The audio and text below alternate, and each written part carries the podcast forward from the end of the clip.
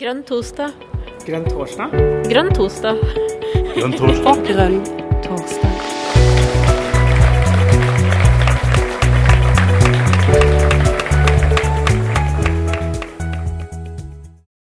Velkommen til Grønn torsdag, Anders.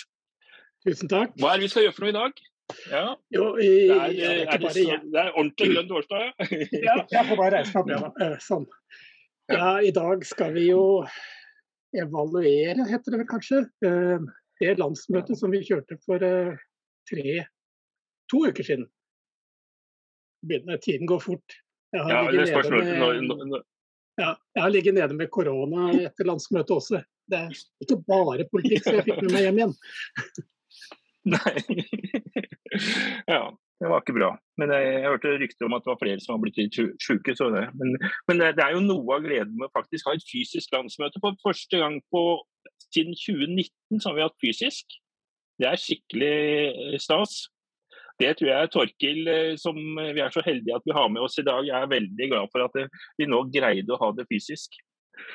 Og så har vi også fått med oss et par eh, stykker til da, for å evaluere her. Eh, vi har fått uh, ei som omtaler seg sjøl som møtelederrev. Det var litt sånn snodig, men uh, Isa Isene, som da er veldig dreven møteleder. og Jeg er litt usikker på hvor mange verv du har hatt i Isa, men det, vi trenger jo ikke Du har i hvert fall vært litt i Grønn Ungdom og i MDG tidligere, og Landsråd for norske ungdomsorganisasjoner og diverse. Og mye møteledelse, så det er jo derfor du er med her i dag. for å du var jo i salen og fulgte litt med og gjorde dine tanker. Og, og ha- ha- har både fysiske og digitale erfaringer.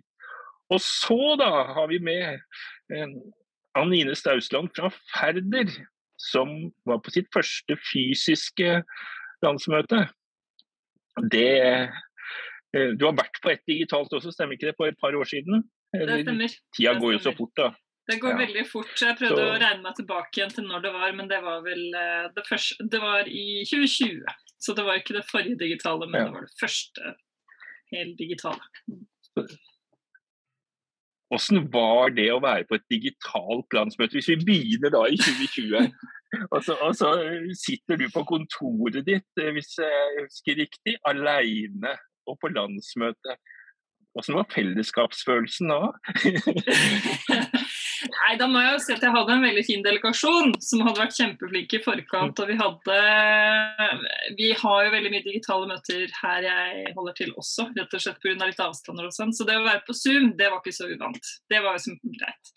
Men det tempoet og alt som skjer, og alle mennesker og alle navn som bare flyr over skjermen, og så kommer det opp en tekst, og så må du ta stilling til den, og så har du på en måte ingenting å støtte deg på på noen som helst måte, så må du bare gjøre det beste ut av det. Og så, og så tenkte jeg etterpå at ja, ja, hvis jeg har stemt feil noen gang nå, så er det ingen som legger merke til det.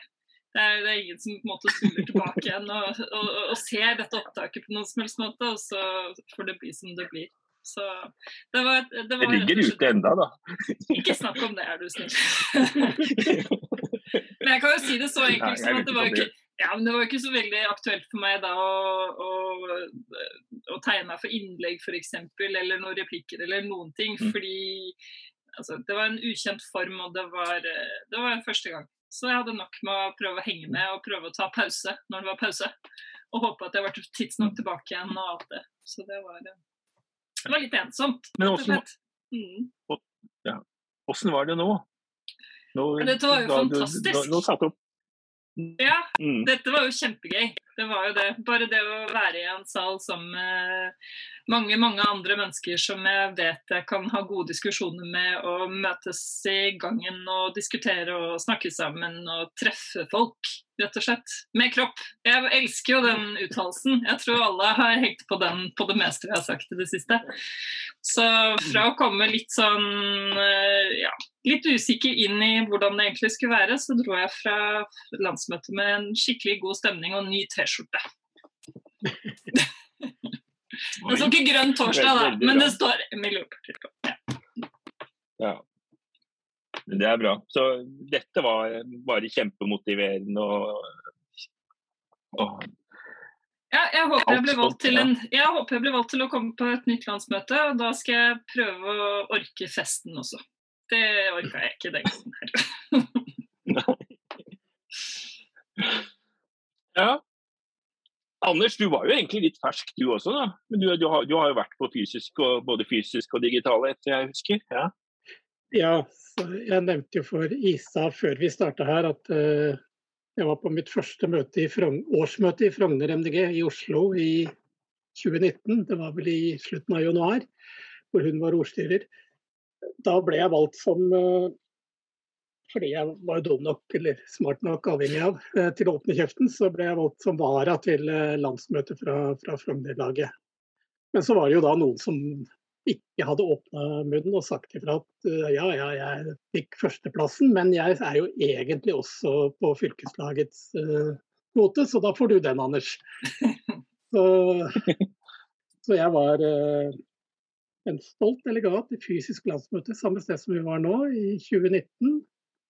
har noen sånne erfaringer fra tidligere liv, som det heter, og syns jo at det var veldig gøy. og fikk sagt det jeg ville si, og nesten fikk gjennomklag for endring i politikk og litt sånt. Jeg var veldig stolt og fornøyd med meg sjøl og syntes at dette var et parti det gikk an å jobbe med. Og, og, og, sånt. og så kom eh, pandemien, og så kom neste året, samme året som Anine var i digitalt møte, og så var jeg der og svaret. Her får jeg ikke gjort noen ting. Her er det bare å sitte og følge med. Eh, det hjelper ikke om jeg sier noe. Liksom, jeg får ikke brukt kroppsspråket mitt, jeg får ikke gått i gangene, jeg får ikke prata med noen. Får, eh, nei, dette var stusslige greier. Så jeg er veldig glad for å være tilbake igjen nå i år. Ja, Torkil, her var det litt opplevelser fra, som du sikkert kan dele, eller eller støtte opp om ut fra dine tilbakemeldinger og erfaringer sjøl også? Ja, jeg har jo vært på det var, Jeg kom fram til at det var mitt uh, tiende landsmøte. Uh, så, så, det har jo vært en utvikling, uh, også de fysiske, i sin tid. men jeg kjenner jo igjen ja, spesielt den derre det Anine sa om å liksom føle på at man er en del av et større fellesskap med mange mennesker i samme rom som man kan diskutere med, det, det er noe helt spesielt som det var deilig å få oppleve igjen tre år Eh, senere. Eh, spesielt eh, Ja, det er mye enklere å kjenne på det. Det har jeg også savna, definitivt. Det er jo første landsmøte, fysiske landsmøte hvor jeg var partisekretær og har vært med på, på den, fra den kanten fra starten av. Så det Ja. Det føltes som noe som var på tide, rett og slett. Mm. Du da, Isa? Ja, jeg da. Um, jeg må jo bare si først sånn, Jeg er her nesten bare som kommentator, for jeg var ikke ordstyrer på dette landsmøtet her. Uh, selv om jeg har vært det på alle landsmøtene til MDG siden 2018. Men um, um, det er jo klart at uh, Eller jeg syns noe av liksom det som er mest stas å gjøre i partiet generelt, det er å være på landsmøtet. Det er en helt sånn enorm kul og bra stemning. og Eh, jeg er jo gjort karriere av å drive, drive med møter, på en måte, så jeg syns jo det er veldig veldig stas. Eh, og det er liksom det er det formelle, men det er også på en måte det sosiale. Og det er klart at man mister jo mye av det i et eh, digitalt møte. Men jeg har jo vært så heldig å kunne lede da, de digitale møtene som vi har hatt. Og det har jo også vært egentlig en fin opplevelse, syns jeg. Og i hvert fall se på hvordan partiet har fått det til, da. Eh, å gjøre det så proft eh, som de kunne. Altså sånn det 2020-møtet eh, var proff på det tidspunktet, men eh, da vi liksom kom til 2021, så hadde vi virkelig på en måte fått på plass utstyr, og det så estetisk bra ut også, det så liksom formelt ut. Altså da fikk vi liksom en helt annen sånn eh, eh, vibb på det, da. Eh, så det, det syns jeg var kult å se at vi, at vi, fikk til, eller kunne få til. Og så er det klart at det, Eh, å komme tilbake igjen fysisk er jo, er, jo noe, er jo, noe, helt annet. Det er det ikke å legge skjul på. Men jeg tror det er mange ting vi har lært av å holde landsmøter eh, digitalt også, som, som vi tar med oss videre. Én ting er eh, voteringer, men det er andre, andre ting òg, mm. Ja, jeg, jeg, har jo vært på en fem-seks landsmøter, jeg også. Så jeg hadde erfaring, god fysisk erfaring eh, før disse digitale. Og det med den motivasjonen man drar hjem med, den vil jeg vel si at var ganske fraværende på de digitale. Det, det var, altså selv om jeg anser meg sjøl for å være litt introvert og eh, så, sånn, Det å møte folk, eh, bare være der i salen, det er motiverende. Også. Og det, I hvert fall for meg også, så var jeg, det tok med meg mer energi hjem, sjøl om jeg var kjempesliten. Det var jo Jeg har nesten ikke møtt folk på flere år her. ikke sant? Jeg har vært på folkevalgtsamling og sånn, men ja. Mm. Eh, du var innom det med avstemninger, eh, Isa. Og de digitale avstemningene som vi da fikk det veldig bra på disse digitale møtene med egenutvikla programvare også. Ro i heimen. Eh, men eh, jeg tenkte litt på det når vi da satt der nå på det fysiske landsmøtet og hadde digital avstemning. Eh, gikk det for fort? Altså, er det sånn Altså er, jeg er liksom litt usikker på Greier folk å henge med nok? Er folk godt nok forberedt? Altså, hvordan, hvordan er dette? Altså, er dette Er det noe element i det å ha noen som går rundt og teller, eh, som gir folk mer tid som vi mister? Jeg, er ikke sikker på dette, men jeg, jeg, tenkt litt på det. Eh, jeg vet ikke om du har eh, tenkt noe knytta til det, Isa? Eh, ikke akkurat det. eller sånn, Jeg tror ikke at det egentlig går eh, for fort. Eh, eller sånn, Det kan jo voteringer som er å dra opp skilt også gjøre. Um, men det var mm. flere ting jeg, jeg, tenkte på underveis i møtet som kanskje eh, ville vært bedre da, med å faktisk ha et stemmeskilt og rekke det i været. For det første så er det jo klart at som ordstyrer så er det din oppgave å lese salen og prøve å forstå på en måte er, er salen forvirra nå? Hvordan, hvordan, ser salen på en måte, hvordan er, hvordan er stemninga? Eh, og det er veldig tydelig når folk stemmer, setter stemmeskiltet sitt i været, så er det veldig tydelig hvis det er, som, hvis det er veldig mange som tviler f.eks., så er det en sånn indikator på at ok, her, her, er det åpenbart noen som ikke har fått det med seg. Mens når det er liksom digitalt, så, ikke, så, får du ikke med deg det på samme måte. Da. Eh, og så tenkte jeg også på at um, som ordstyrer så er det et redskap å drive passive voteringer. Fordi det er jo klart at det her er demokratiske møter, du er demokratisk valgt, du skal ha dekning fra salen på de beslutningene og de vedtakene du gjør. Eh, og det å en, ta en rask sjekk med salen på om det er greit at man tar den beslutningen man gjør, det er veldig greit med sånn passiv votering. Og da pleier jeg å liksom spørre salen er det noen som motsetter seg at vi eh, utsetter lunsjen, f.eks. Hvis det er noen som gjør det, så må dere vise det ved å trekke stemmeskiltet i været. Og det går jo fortere enn å gjøre det digitalt, f.eks. Eh, så det er en sånn ting som jeg som ordstyrer i hvert fall, jeg, jeg, liker den dialogen da, med salen som går litt bort eh, når man gjør det digitalt. Og så tenkte jeg på en siste ting også, som vi snakket litt om, flere som snakket om etter landsmøtet, og det er at eh, noe som kan være litt problematisk med eh, at man stemmer på PC, det hva gjelder personvalg, det er at folk bak og ved siden av deg kan se hva du stemmer. Eh, og du, når man gjør det fysisk, så skriver man det gjerne på en lapp. Og så ser man i utgangspunktet ikke like godt hvert fall, hva man stemmer. For nå kunne liksom eh, folk fra radene bak også se hvilket navn du eh, trykket på. Eh, og så tror jeg ikke dette her på en måte er så, såpass store problemer at, eh, at ikke eh, det til syvende og sist er bare veldig mye mer effektivt og lettere for alle å gjøre det digitalt. Men det er i hvert fall tanker som jeg har gjort meg på, på noen fordeler da, ved fysiske avstemninger. Mm. Bare en kommentar på det siste knytta til de her eh, avstemninger på navn, så er det, jeg nevnte for Torkil også at eh, navna eh, henger igjen på skjermen på hvem du stemte på. Og det må, det må bare rettes opp. Den kan være, være der ett et sekund eller noe sånt, sånn at du ser hva du har stemt. Mm. Og så må det bare vekk. For nå, nå sto det vel da helt til neste avstemning, nesten. Eller et mm. eller annet. Hvert fall, Det var i hvert fall veldig lenge. Mm. Det var en feil som, si ja, nei, jeg vil bare si at det var en feil som ordstyrerne gjorde, som var vant til de andre voteringene også.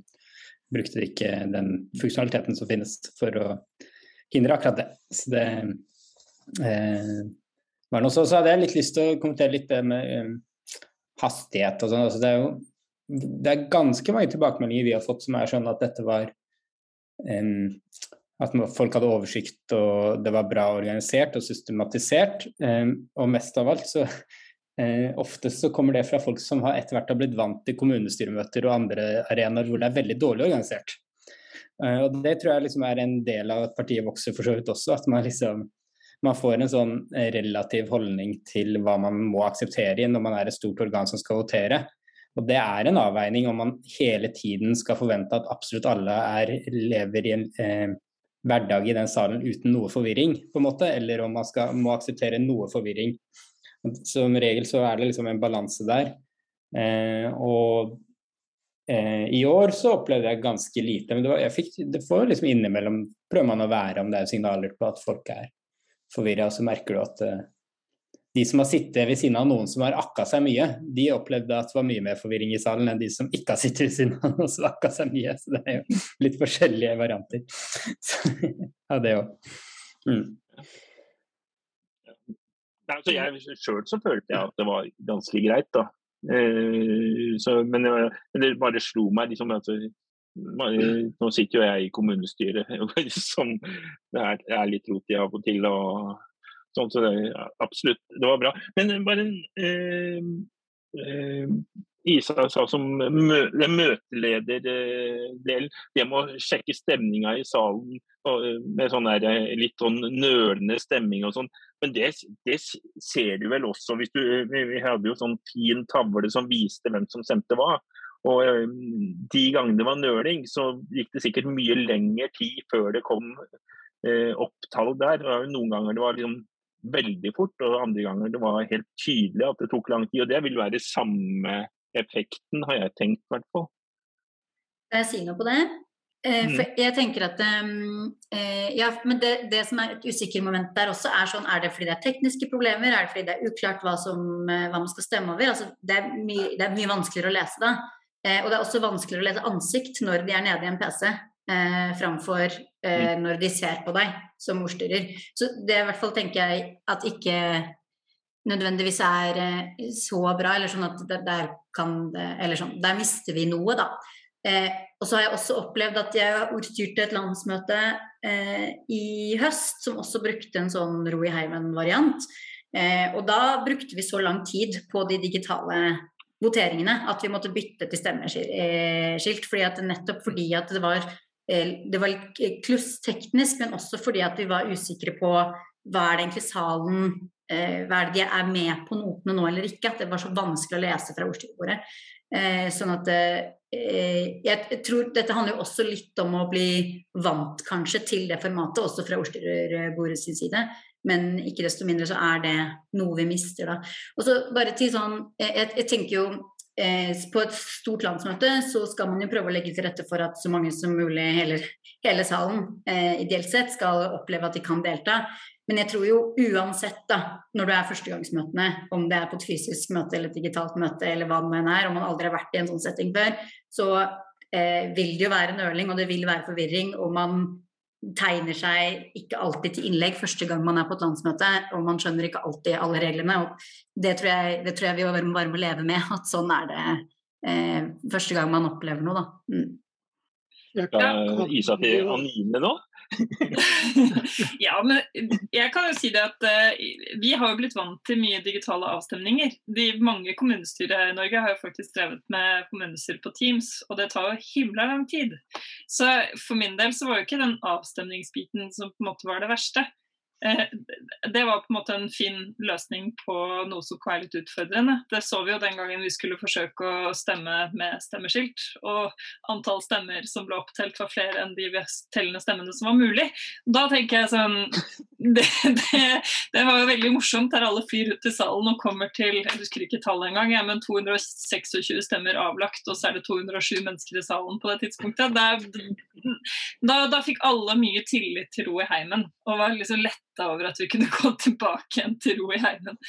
Og da ble det jo ro i heimen òg, så det var veldig fint. Så nei, så for min del så igjen flinke folk i egen delegasjon som kommer med litt tips og hint, og litt den typen Du må ha bestemt og skrevet ned hva du faktisk skal stemme, eh, før du begynner på avstemningen. For det er, som ordstyrerne er flinke til å si, det er faktisk ikke mulig å gjøre seg opp en mening eh, idet man gjør avstemningen. Eh, så vi hadde Det ser jo ut som man får sånn bingoliste til slutt. ikke sant? Så er det sånn ja, nei, usikker. Her må du på en måte ja, føle litt på avholdende, er det lov? Ikke sant? Litt den biten. Så da må jeg si at ordstyrerne gjorde en kjempejobb eh, for å forklare og både holde, holde tempoet oppe. Fordi det blir litt viktig det også, at det på en måte ikke trekker for langt ut. og du på en måte, Da bruker man jo tid på det, på noe som egentlig er liksom stort sett klart. Altså det jeg syns kanskje var mer uh, utfordrende, er liksom den korte tiden til endringsforslag. Eh, litt liksom hvordan, hvordan, vi gjør det.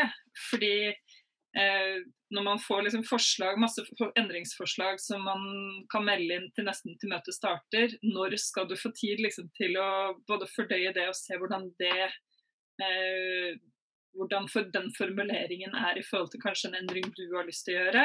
Eh, hvordan kan man liksom, diskutere seg fram til kanskje noe felles da, som man kunne ha stilt, istedenfor å komme med sånne helhetlige endringsforslag som, som på sett og vis aldri egentlig går igjennom, fordi ingen har på en måte tid til å ta stilling til sånne store endringsforslag.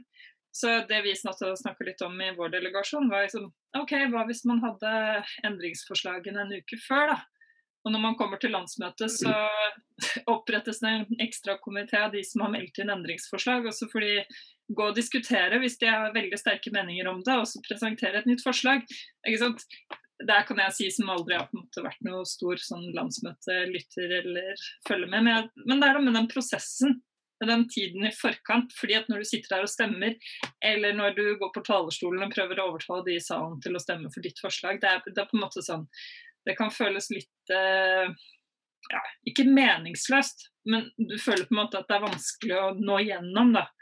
Også når noen kommer på en måte, Hvordan kan jeg gjøre meg opp en mening om det du sa akkurat nå, og referere til det forslaget, og så er det to minutter, og så det, kommer du nesten ikke i gang før du må gå ned igjen.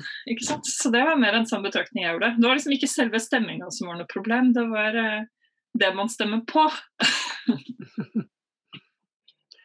Jeg kan jo følge opp litt det du sier der, Anine. Eh, fordi jeg har, og det kan sikkert Isak bekrefte, eh, i hvert fall landsmøtet 2019, og jeg mener også at det var sånn da digitalt i 2020, så var det mye mer eh, jeg kan ikke akkurat bruke ordet klønete, men det var en voteringsorden av en annen verden. Hvor forslag A mot B, og så skulle vinneren derfra settes opp mot C. Og så skulle alt eh, det som hadde og settes opp mot D igjen. Så, var, da var det vanskelig. Og da tror jeg nok det var en fordel å, å ha overblikk over salen og se. Klarer dere å henge med på hva jeg sier nå? Det, jeg har normalt et ganske ryddig hue, men jeg, jeg ikke med i alle svingene den gangen, husker jeg. Men, eh, men du, du, er veldig tålmodig og flink til å forklare, da, så det, det gikk greit. Det er godt å høre. Jeg, bare, jeg, må bare si noe på det. for det, det, det, er jo interessant at du nevner 2019 og 2020 som liksom de vanskelige årene. Og så hadde vi programprosess i 2021, og det var jo veldig mange flere voteringer. Men uh, Eh, men det, men det, du tegner opp der, Anine, er jo litt sånn spennende. Nå liker jeg dette, nå går vi liksom på nerding da, på hva, hvordan landsmøter eh, kan se ut. Men eh, eh Arbeiderpartiet f.eks. har jo en ganske annen modell enn det vi har eh, på landsmøter. Det er mye mer sånn basert på eh, egentlig sånn Det vil jeg si altså sånn, jeg vil kalle representasjonsdemokrati. da. Eh, at det er noen som velges inn til redaksjonskomiteer, og det er egentlig der avgjørelsene tas. Eh, og så er det på en måte å godta eller avvise det som eh, redaksjonskomiteene sier. Og da er redaksjonskomiteene relativt store. ikke sant? At du har på en måte en som er valgt fra Trøndelag, en som er valgt fra UF, en som er valgt fra ledelsen, sitter og jobber med forslagene. Eh, og det gjør jo at det er mer oversiktlig, eh, fordi det er færre folk som driver og knar. Eh, men det er også færre folk som på en måte får sagt sin siste eh, eh Satt sitt liksom, preg da, eh, på, på, vedtaket. Og det syns jeg jo det går det an å diskutere, da, om man liker det i MDG eller ikke. Men i, i, i, partiet vårt så er det jo veldig sånn at vi legger opp til at landsmøtene våre skal være veldig sånn at folk i utgangspunktet skal få ta en veldig aktiv del i dem. Eh, og mer sådan da, enn i mange andre organisasjoner som jeg har vært borti. Så det er jo veldig spennende på en måte, hvor mye man forventer å få ut av det å være delegat. Da. Mm. Jeg har lyst til å hoppe videre til eh, hva skal vi kalle det, neste tema. Det er fremdeles landsmøtet som er tema, da, men eh, vi har så vidt toucha litt inne på det, det med Eh, den politikken vi vedtar og de resolusjonene og uttalelsene om eh, denne gangen var det både klesindustrien og psykisk helse og Ukraina ganske bredt spekter. Eh, og alle hadde ikke like god tid til å forberede seg på alt. Og Anine var så vidt inne på det, det med endringsforslag osv. Hvordan opplevde Jeg kan begynne med Torkil, da. Hvordan opplevde du at eh, ble det, det er, eller Jeg kan begynne i en andre, andre enden. Altså, det er et, jeg opplever det som et dilemma i partidemokratiet at vi har veldig mange uttalelser. Eh, kanskje for mange, kanskje egentlig for få, ikke vet jeg. Eh, og litt lite tid til å diskutere oss igjennom. Og ikke alltid like godt Eh, forberedt på hva som skjer i landsmøtesalen og, og utfallet av, eh, av, hele greia. Eh, opplever du det som et problem? Eller dere andre også, altså. Gjerne. Ja, det er jo i hvert fall et dilemma, som du sier. da, så er Det jo det er litt interessant å sammenligne med andre partier òg, som Isa var inne på med Arbeiderpartiet. på den Fremskrittspartiet hadde sånn to og en halv time resolusjonsdebatt med elleve resolusjoner av veldig sånn forskjellig karakter, hvor folk bare har sendt inn litt sånn enten en setning eller tre avsnitt, og så er en redaksjonskomité innstilt på det, og så er det debatt, og så voterer de, og så er de ferdig, eh, på en måte. Så i det ene tilfellet så sa Christian Tybring-Gjedde nei, dette er MDG-politikk, så dette må dere ikke stemme for, og så stemte de ned, selv om redaksjonskomiteen hadde anbefalt å kutte moms, da, i det tilfellet. Og det, det går jo an å si at ja, det kanskje det er poli de politiske forslagene som er litt for detaljerte, mer enn at vi har for mange. Eh, at det liksom I noen tilfeller så blir det litt sånn. Samtidig så Jeg syns i hvert fall ikke det var for, jeg, må, jeg kommer til å være ganske sånn sterk motstander av å si at det var for mye mange forskjellige politiske temaer på det landsmøtet som var nå. Jeg synes Der, der ligger liksom i nedre sjikt av hva jeg mener et landsmøte må klare å gjennomføre uten at det liksom blir så Ja, at vi bare diskuterer de samme temaene om igjen. Det var en, flere av debattene som kanskje kunne vært kortere, helt sånn sett utenifra, hvis du er publikummer. Eh, liksom for å gjøre deg opp en mening om kjernekraft eller om klesindustri, så kan, det er ikke gitt at du trenger liksom å høre hele debatten. Eh, men på den andre siden så må landsmøtedelegatene og partiet få sagt ifra på en reell måte om hva de mener, og få grunnlag for å stemme, da. Eh, det som er litt spesielt det største dilemmaet syns jeg er liksom den miksen av eh, hva er det vi eh, fra sentralt eller organer mener at er viktig å få diskutert på dette landsmøtet, versus hva er det medlemmene mener er viktig. Der er vi litt unik posisjon i MDG med denne medlemsvoteringen som vi har kjørt et par ganger nå, som vi lar definere en del. men samtidig så hadde vi jo næringspolitikk nå, da Ukraina som kom inn som andre temaer, og EU da som ble en slags joker inni inn i dagsorden. Eh, om det var fra sentralorganer eller fra siden, det kan diskuteres. Men det var liksom Den miksen av hva som er viktig for partiet, eh, syns jeg er det vanskeligste. Hva er det vi faktisk skal prioritere landsmøtet til, og hvordan aksepterer vi at det må være litt dynamisk også i salen. Eh, at landsmøtet faktisk kanskje kan ha andre meninger to måneder etter at landsstyret har satt, eller én måned etter at landsmøtet har satt dagsorden. Jeg støtter jo det der med at det er, viktig å ha en del forskjellige politiske temaer. Eh, og at en del forskjellige stemmer eh, kommer til orde. Eh, og ja, vi var vel oppe i seks-sju forskjellige politiske temaer med næringspolitikken og vi tar med EU og Ukraina. Eller så var det jo interessant da at eh, landsstyret ville ikke eh, overstyre den avstemminga. Sjøl ikke jeg fra Innlandet gjorde det. Vi har jo god trening i det å overstyre avstemninger. så det men, det, men det kunne jo vært politiske grunner til å gjøre det, hvis landsstyret ville det. Så, men det ble jo ikke gjort det. og det var, det var, jo også interessant det med at det var Det ble jo litt detaljert i forhold til landsstyret, men landsstyret kunne ha valgt og tatt tre resolusjoner for å unngått eh, kjernekraften. Eh, og Flertallet på landsstyret gjorde det ikke med trykket. Det var fordi det var flertall for eh, kjernekraft eller flertall mot det. Det var ikke det, så det var behovet for debatten. liksom, og det jeg, jeg lærte noe av debatten, så det tror jeg noen andre gjorde også. Men en ting jeg har tenkt på knytta til dette her, den begrensninga som vi egentlig omtrent endte opp med, med nesten ett, bare ett innlegg per delegat. altså Jeg vet jo at det, det ble jo ikke det helt. Men er det et eh, demokratisk problem?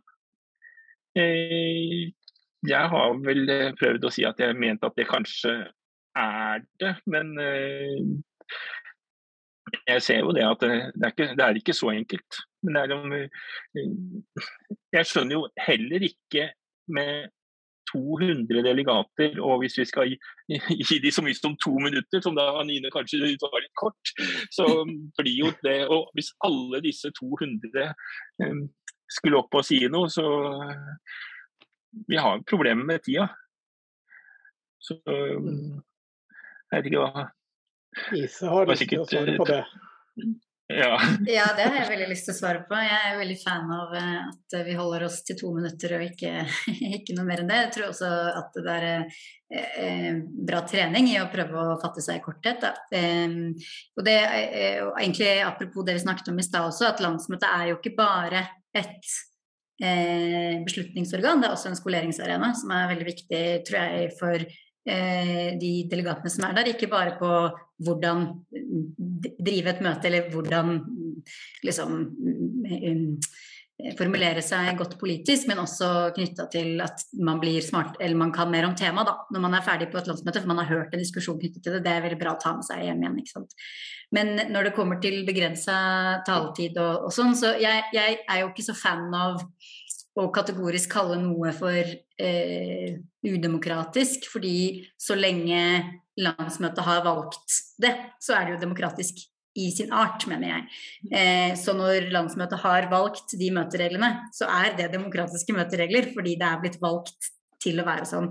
Og så er det klart at alle kommer ikke fram eh, når det er så begrensa med tid, eh, men det kunne ikke alle ha gjort uansett. Eh, og det jeg erfarer, er at jo flere som kommer til orde, altså flere fra salen som kommer til orde, jo mer nyansert blir debatten. Og jo flere eh, altså, mangfoldet blir større. Da. Det blir flere kvinner som kommer til. At det ikke bare er liksom de mennene som tar ordet først. og Det er ofte dessverre det, da, at det er fort menn som er de første som tegner seg. Eh, og også de nølende førstegangsmøtene eh, menneskene kommer også til etter hvert når det på en måte er rom for dem. Eh, men eh, hvis man skulle delt ut enda flere innlegg per person, så ville det vært noen som tok mye ordet. Da. Det er i hvert fall min erfaring. Så jeg, jeg syns jo at det er litt fint at vi også begrenser Eh, innlegg. Og så er det jo mange andre måter å påvirke på. gjennom at man skriver innlegg sammen i delegasjonen, gjennom at man diskuterer i forkant. Så selve landsmøtet er på en måte formaliteten, det er selve prikken på i-en. Men det, prosessen mot et vedtak skjer jo lenge før selve møtet, da. Mm. Men det var jo det jeg var litt inne på også. At to minutter Altså, hva gjør du med de to minuttene dine? Ikke sant? Det er jo noe med eh, du har egentlig liten sjanse til å på en måte overtale i stor grad. Du på en måte kan informere om at det er vårt forslag fordi sånn og sånn. Og det er jo noe å lære seg, det også. Men eh, like fullt, hvis vi Jeg syns ikke det er et demokratisk problem. Vi har valgt disse reglene, og vi har også valgt underveis i år landsmøtet å, å, korte ned på taletida. Og det er jo også landsmøtets rett til å gjøre, og kutte antall replikker. og Det er helt i orden. Men det er jo litt som, som en som er ny, da. Jeg kjenner jo igjen ganske mange navn. Og det er stort sett de samme navnene jeg ser igjen på talelista eller på ikke sant? Og det, For meg så var det liksom sånn fantastisk. Jeg sitter og ser på alle de som jeg har sett navn på som jeg vet er skikkelig gode debattanter. og Det er helt veldig gøy å se ansikter og hvordan de er der og sånn. Men det går jo an å tenke seg annerledes. Da, at Hvis man ønsker et ordentlig representasjon, da, eh, fordel antall innlegg på delegasjonene. da. Ikke sant? Og, og, så la det være opp til delegasjonen og ikke hver enkelt uh, delegat. Men jeg vet jo at det, det, er på en måte det vi reiste, vår delegasjon reiste med, var jo på en måte Vi var jo frie personlig til å ta avgjørelser. Så jeg vet jo at det også har sin begrensning. Men hvis man ønsker å høre flere og ønsker å på en måte oppfordre til at flere nye går på talerstolen, så er jo kanskje det en, en ting å utforske litt, da. I hvert fall fra den som er helt ny. Ja, bare en liten eh, presisering. Eh, min kommentar knytta til eh, demokrati har jo vel vært mer knytta til det at jeg kommer fra et område med en liten delegasjon. Og så er det vi, Da får vi lite taletid versus Oslo f.eks. Så det, jo, det, var jo den, den varianten jeg har sett på. Eh, og så er jo det min oppgave som leder i Innlandet å selvsagt fronte det. Og så finnes det eh, ja. Men nå vil Torkil si noe. Mm. Ja, altså, jeg, Det er liksom interessant. det der. Min, min opplevelse er jo den største effekten er jo at uh, ringrevene, spesielt fra de store delegasjonene, får mindre plass, mindre relativ plass, og at vi får fram et mangfold fra flere delegasjoner da, uh, enn man har fått uh, tidligere. Og så er, så jeg, liksom, jeg synes det er eller, det er på en måte, Vi vokser som parti. Det er stadig oftere 200 delegater som faktisk har lyst til å si noe på landsmøtet, og da må vi fordele de taletida mellom dem. Eh, noe annet kommer, jeg tror ikke landsmøtet klarer å bli enige om noe annet enn at være, alle delegater skal være like mye verdt.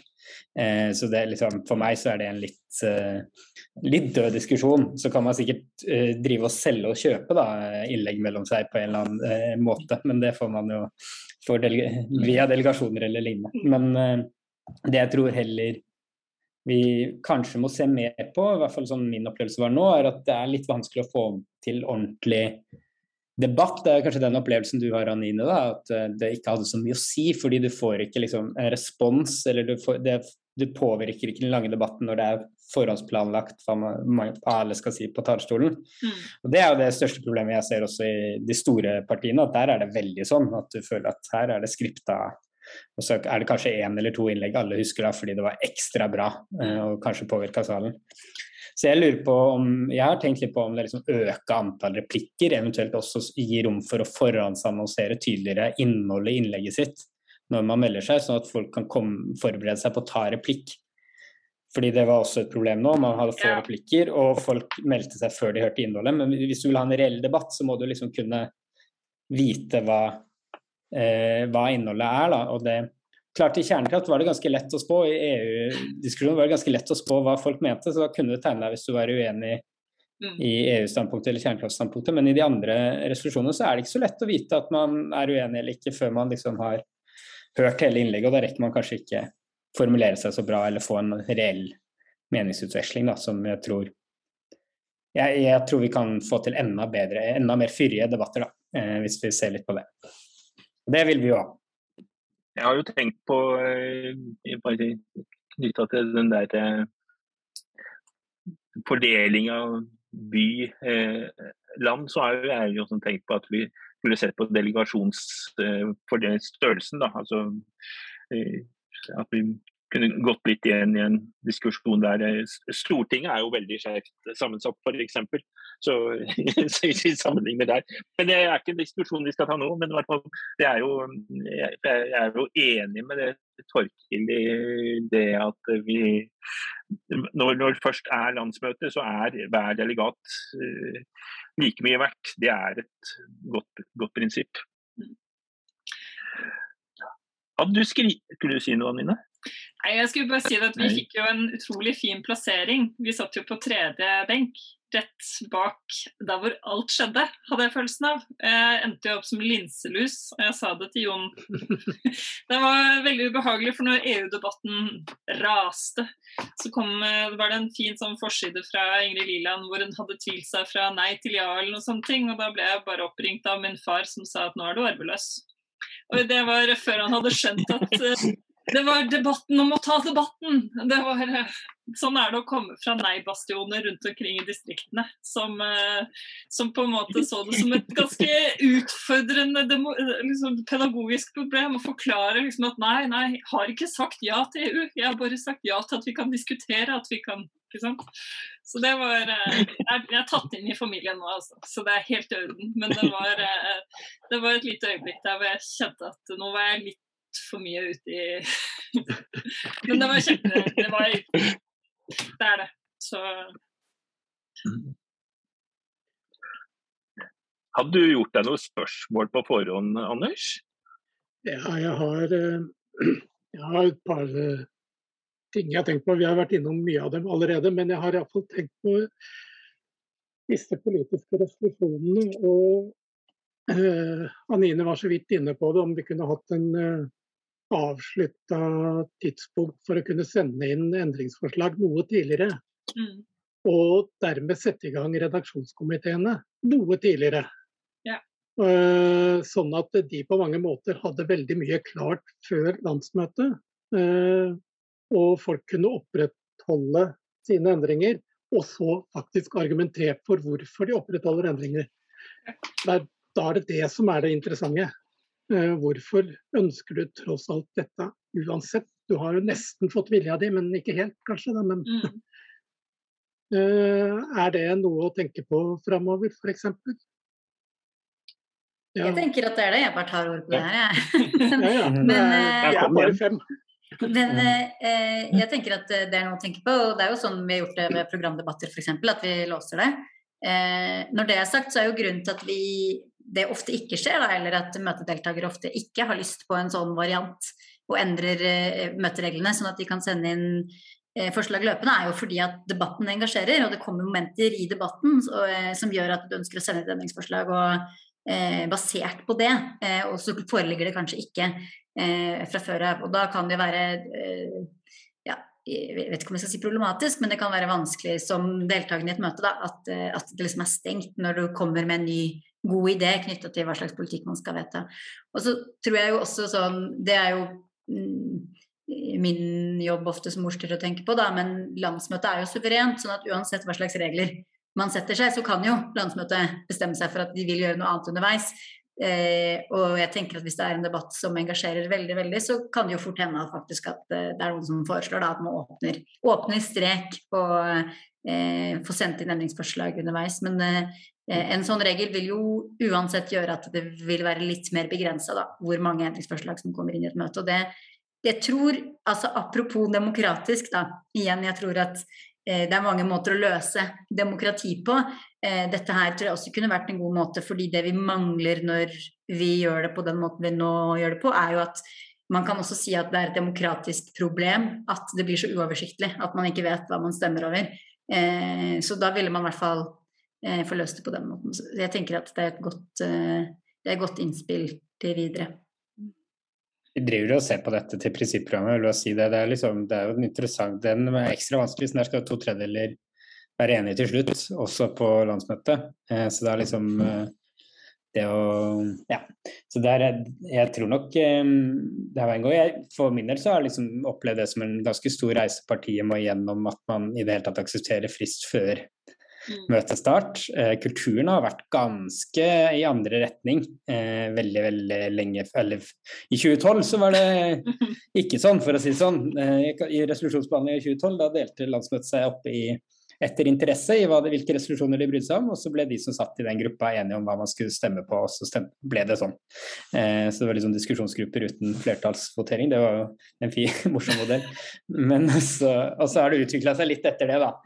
Eh, men det som jeg tenker på er at Redaksjonskomiteene som flere har vært inne på, er jo ganske viktige. da, og Det vi gjorde i år som jeg tror er, eh, var lurt, og er lurt, er jo å gå for at eh, redaksjonskomiteen skal bestå av folk som er engasjert i den resolusjonen, og gjerne komme med forslag i den resolusjonen. Det er også noe som ikke nødvendigvis liksom, partiet alltid er med på. Den type liksom, At det skal være forhandlinger i redaksjonskomiteene. Men det, det opplevde jeg som en retning som det liksom begynner å bli mer enighet om, også ut fra de forslagene dere sier nå. Og at man, hvis man gir redaksjonskomiteene nok mandat, så slipper man kanskje det der heve forslagsfristen-problemet, eh, og så kan man gjøre det. Det største problemet er nok egentlig realismen i at landsmøtedelegater reelt forbereder seg så lenge i forkant.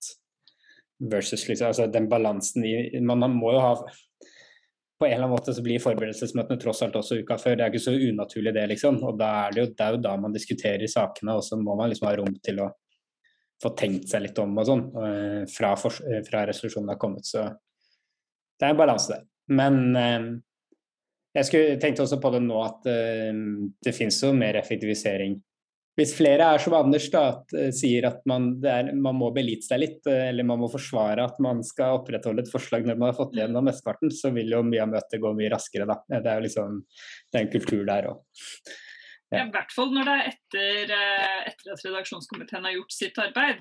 Fordi at mm. mye, det foregår veldig mye bra arbeid i de komiteene, og de klarer jo også stort sett å De ser jo hvilken retning landsmøtet ønsker. ikke sant? Vi har jo tross alt pekt ut eh, Og så er det noen ganger det er veldig klart at det er ja og nei, men det er kanskje en litt sånn enkel forenkling av noe, eller at man tar inn i seg et annet punkt, og at man på en måte klarer å samskrive det godt.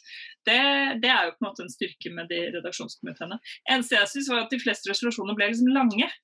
Ja. Og så ble, ble jeg litt sånn ja, men alle disse punktene her, altså hva skal vi gjøre med alle disse punktene, liksom? Det er kjempebra, og vi skal gjøre masse, men hvem skal gjøre det, og når skal vi gjøre det, og hva skal vi gjøre, og hvordan, ikke sant? Og, og, og nærmer vi oss ikke noen ganger litt egentlig det vanlige programmet vårt igjen, ikke sant? Fordi at vi blir så på en måte sånn inn i denne så skal vi ha med alt, og så glemmer vi å gå tilbake igjen til det som allerede ligger der. Så det var det også en i delegasjonen min som opplevde når hun satt ved siden av en som hadde vært i ja, kom fra et parti i et annet land og sa det at vi er vant til at resolusjoner er liksom fynd og klem og 1, 2, 3. Og så, mm. og så, så det var også en sånn tilbakemelding. Da. Ja. Jeg tror det er ganske mye makt hos oss eh, hos forslagsstillere. Altså, jeg tror respekten i redaksjonskomiteene også var veldig stor for de som har foreslått at man ønsker å komme dem i møte. liksom. Mm. Eh, så der, og det kommer jo sikkert å endre seg over tid, tror jeg òg. Jeg tror det kommer til å bli striktere etter hvert som man får en sånn felles forståelse av at det er en del som mener det du sa nå, Anni, nå. Men det er jo bra da, at uh, man, kan, uh, man får mye gjennomslag selv om det er noen andre som sitter i den komiteen også. Eh, og prøver å finne ut av ting. Jeg syns det er interessant med det der å ta signaler fra salen. Eh, fordi det ble diskutert litt eh, på landsstyremøtet. Så var det innstillende landsstyremøte til dette landsmøtet. Så ble det snakka litt om hva, hva betyr egentlig signaler fra salen. Og jeg er ganske opptatt av det, at ikke alt må havne i et vedtak, men at noen også har et ansvar for å liksom fange opp sånn hva er, det, hva er, det, egentlig denne debatten handler om, hva er det vi egentlig syns er viktige, eh, og at det ikke nødvendigvis reflekteres i selve vedtaket, men i selve debatten. Um, og eh, jeg kommer jo rett fra å ha vært styreleder i Landsrådet for Norges barne- og ungdomsorganisasjoner, LNU, eh, og der er kulturen veldig sånn du har en resolusjon, og så diskuterer man eh, resolusjonen på representantskapsmøtet, og så tar man signalene fra salen inn i redaksjonskomiteen uten at man egentlig sender inn endringsforslag. Eh, og så kommer man med et helhetlig forslag, og så vedtas ofte det. på en måte. Eh, og det er klart at jeg, jeg, tror ikke det er mulighet i MDG av mange grunner, også fordi et politisk parti så, eh, så er det jo et, et, poeng i seg selv at man, man, eller at mange vil gjerne at de skal oppleve at de har stor påvirkningskraft. ikke sant? Eh, men jeg, eh, syns at det er en, en modell som reflekterer at man på en måte har tillit da, til, eh, til møtet og til, til, salen på en annen måte enn kanskje vi bedriver eh, møtet i, i, MDG. Det er litt Jeg syns disse det... Nå ble det mange Anine først. Anine Brunt var først. Ja. Nei, vær så god. Vær så god. Jeg, jeg, skulle si at nå har vi eh, ni minutter igjen, og jeg hadde veldig lyst altså, Nå hadde Jon og jeg på mange måter, eller selvpålagt uh, styre debatten. Men er det noe dere, Torke, Lisa og Anine, hadde brent inne med? Noe dere hadde lyst til å si før dere kom her? Da har dere nå ja, åtte minutter igjen til å si det. altså for meg så var det for meg så var det viktigste mm, det med Altså både gleden av å se hverandre, men også eh, det, altså, det, med å faktisk eh, ønske om å få til enda mer livlig debatt. Eh, viktig å liksom være med inn i evalueringa. Syns jeg er viktig poeng. Jeg, synes, eh, jeg gleder meg liksom til prinsipprogramdebatt hvor det faktisk er enda mer på spill. Føles, altså, det er litt deilig å kjenne på det også, samtidig som vi kjenner på at vi har mange vi kan diskutere med. At det er noe på spill i salen det vil jeg, det, da koser jeg meg på landsmøtet. Så det I hvert fall etterpå. Eh, da kjenner du at jeg lever litt. Så det syns jeg skjedde et par ganger nå, men eh, jeg gleder meg til enda mer av det til neste år. Jeg syns det var veldig spesielt eh, når vi gjorde endringer i vedtekter som trådte i kraft underveis i landsmøtet. Da kjente jeg at nå blir jeg litt sånn utfordra her. Og liksom ser ikke alle det samme som jeg ser nå. Nå ser jeg potensialet for en annen konstellasjon. Og blir dette riktig hvis vi nå velger blant de som er nominerte? ikke sant?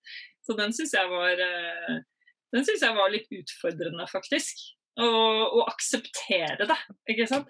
Og spesielt eh, fordi jeg i etterkant snakka med noen som på en måte sa litt sånn Ja, men jeg skjønte ikke hva som skjedde før det hadde skjedd, og da var det liksom for seint.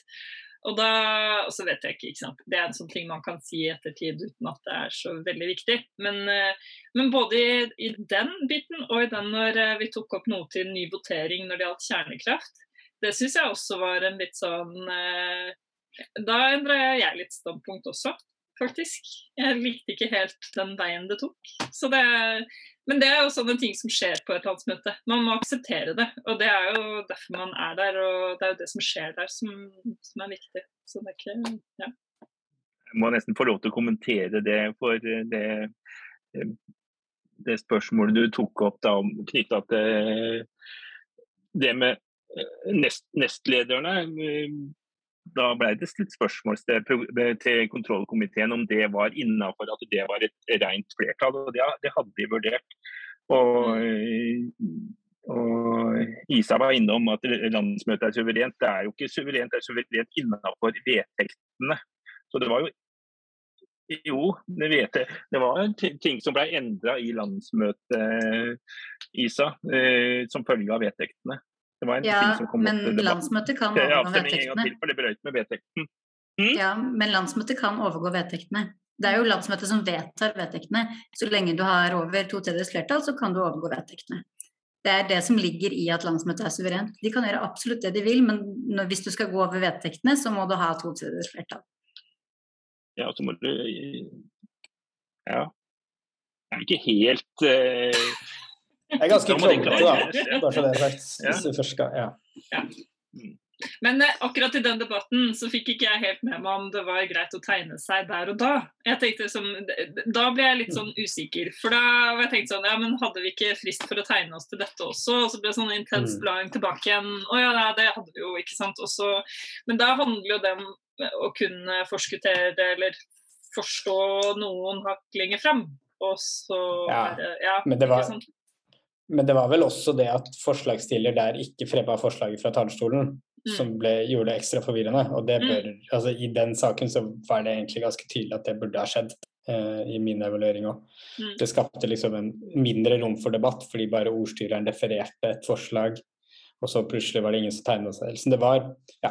så det var, litt, det var nok litt mellom meg og ordstyret òg i hvordan uh, opplegget, eller mellom mange, da. Men uh, men støvet har jo lagt seg nå. Jeg tenker ja, det, har...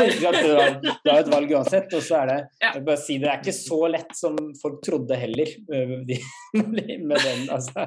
det, liksom, det, var mange kompliserende faktorer i gangen her med hvem som ble valgt når og sånne ting, mm. som gjør at, gjør at det liksom er ikke så lett å forklare konsekvensen av øh, den type vedtak over bordet. eller at er, Man kunne f.eks. velge to mannlige nestledere uten problemer dagen etter, selv med dagens, de daværende vedtektene. Men det ville jo gjort noe for partisekretærvalget etterpå osv. Så, videre. så det er liksom sånn Men ikke sant, det blir jo veldig fort at man da diskuterer person, og det er jo ikke ja. det det er snakk om. Så, det, så jeg bare mm. sånn at jeg poengterer at det handler ikke om kandidaten eller sånn, men det handler på en måte om den prosessen som skjer der, hvor du på en måte du må bruke litt tid på å forstå hva som faktisk er de potensielle resultatene av å gjøre et sånt valg. Og det, mm. det, det er ikke ment som noe annet enn bare en betraktning. Fordi ja. Det, men det, det, gjør jo kanskje at man, noen tenker sitt, da. Sånn, hvor, hvorfor, hvor, kom dette fra, og hvorfor ble det slik? ikke sant? Og det, det er veldig lett å begynne å hm. konspiratere rundt. liksom, Hva skjedde? Mm. Ja. Men målet må jo hele tida være at det blir gjort færrest mulig feil i løpet av et sånt landsmøte. Men det er, alltid, det er alltid noen ting som ikke blir riktig. Altså det, er, det er tusenvis av avgjørelser som blir tatt. Hvis alle hadde vært riktig i ettertid, så ville, ville det vært noe gærent. Så, eh, Hvilket land nei, hadde vi vært da? Hadde vi vært Norge da? Hadde vi vært eh, Nord-Korea eller noe sånt? Eller? Ja, de det er alltid riktig det Torkil sier til slutt, er det det? Sånn. Oi, ja, ja. Nei, vi er ikke der. Mm. Nei. Men eh, jeg er strålende fornøyd med debatten og, og resolusjonen, selv om det kunne kanskje høres som ikke jeg var det. Altså, gode debatter gjør det lettere å akseptere avgjørelser man ikke er enig i. Og hvert fall når de er fysisk, fysisk, til stede. Bare stå og se på de som da framfører eh, som du var innom, Anine. Det, det gjør forskjell, altså. Da ser man jo litt mer mimikk. og så mm. ser man det at når de går oppover, så nøler de kanskje litt. Altså de, de, er ikke helt komfortable. Så, eh, dette, dette, var bra, tenker jeg. Ja, jeg syns det var et kjempefint landsmøte. Jeg syns det var veldig gøy. og det var... Eh, det var noe med lagt opp til at, uh, at, man skulle ha mest mulig tid til å møtes. Og jeg hadde jo en opplevelse hvor jeg møtte to personer, begge i partiet, som kjenner meg fra to ulike settinger. Og vi står liksom og finner ut at det vi i hvert fall har til felles, det er grønn politikk. Altså hvor vi er fra og hva vi Det, det er ikke det, det, vi diskuterer der og da. Og alle de fine arrangementene det var lagt opp til. Altså jeg fikk ikke meldt meg på fuglekikking eller noe annet. Men, men, bare det at det er tid og rom for å være, være ha det litt gøy sammen.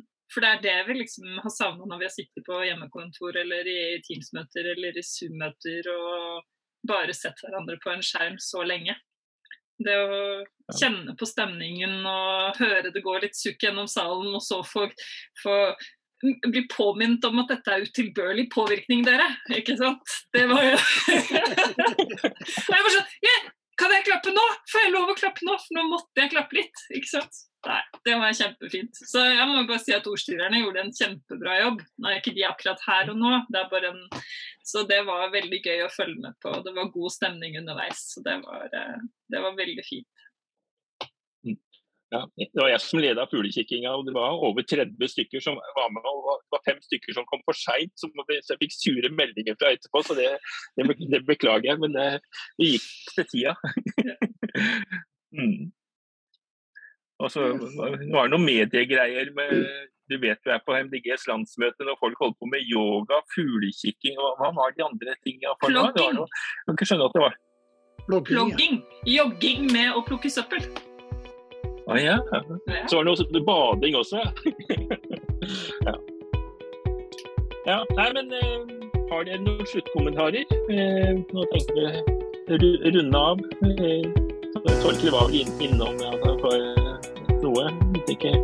Du, Isa, vil du Nei, bare takk, takk, for at jeg fikk lov til å komme, selv om jeg ikke var denne gangen. Jeg er helt enig i at de, de var veldig flinke.